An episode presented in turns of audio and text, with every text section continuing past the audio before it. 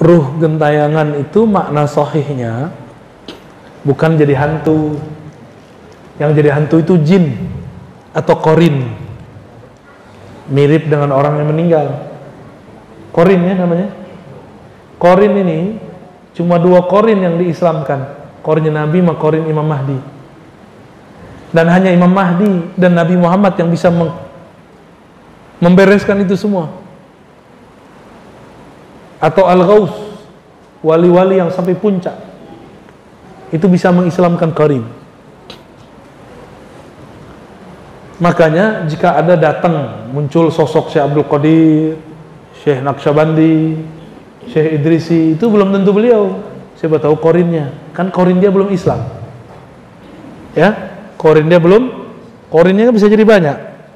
Ada yang Islam murtad lagi ada juga dia dikuasai oleh setan. Maka si korin ini akan menyesatkan orang yang halu yang suka mengikuti khayalan.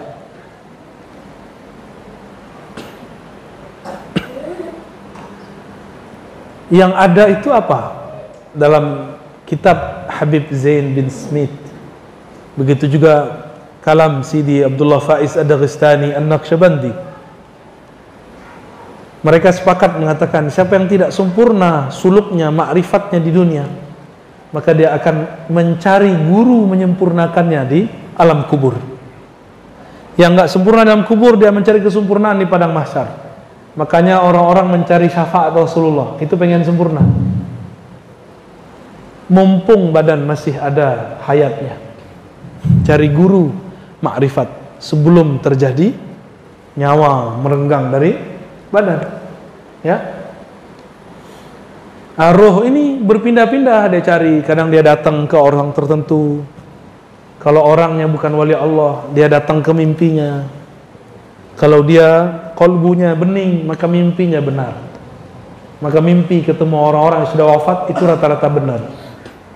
Tapi kalau lagi halu, ah, bisa benar bisa tidak, ya. Jadi tidak ada arwah dalam artian orang-orang mati gentayangan kepada orang hidup. Yang ada korinnya gentayangan ya. Kita ini Allah jadikan khalifah di bumi.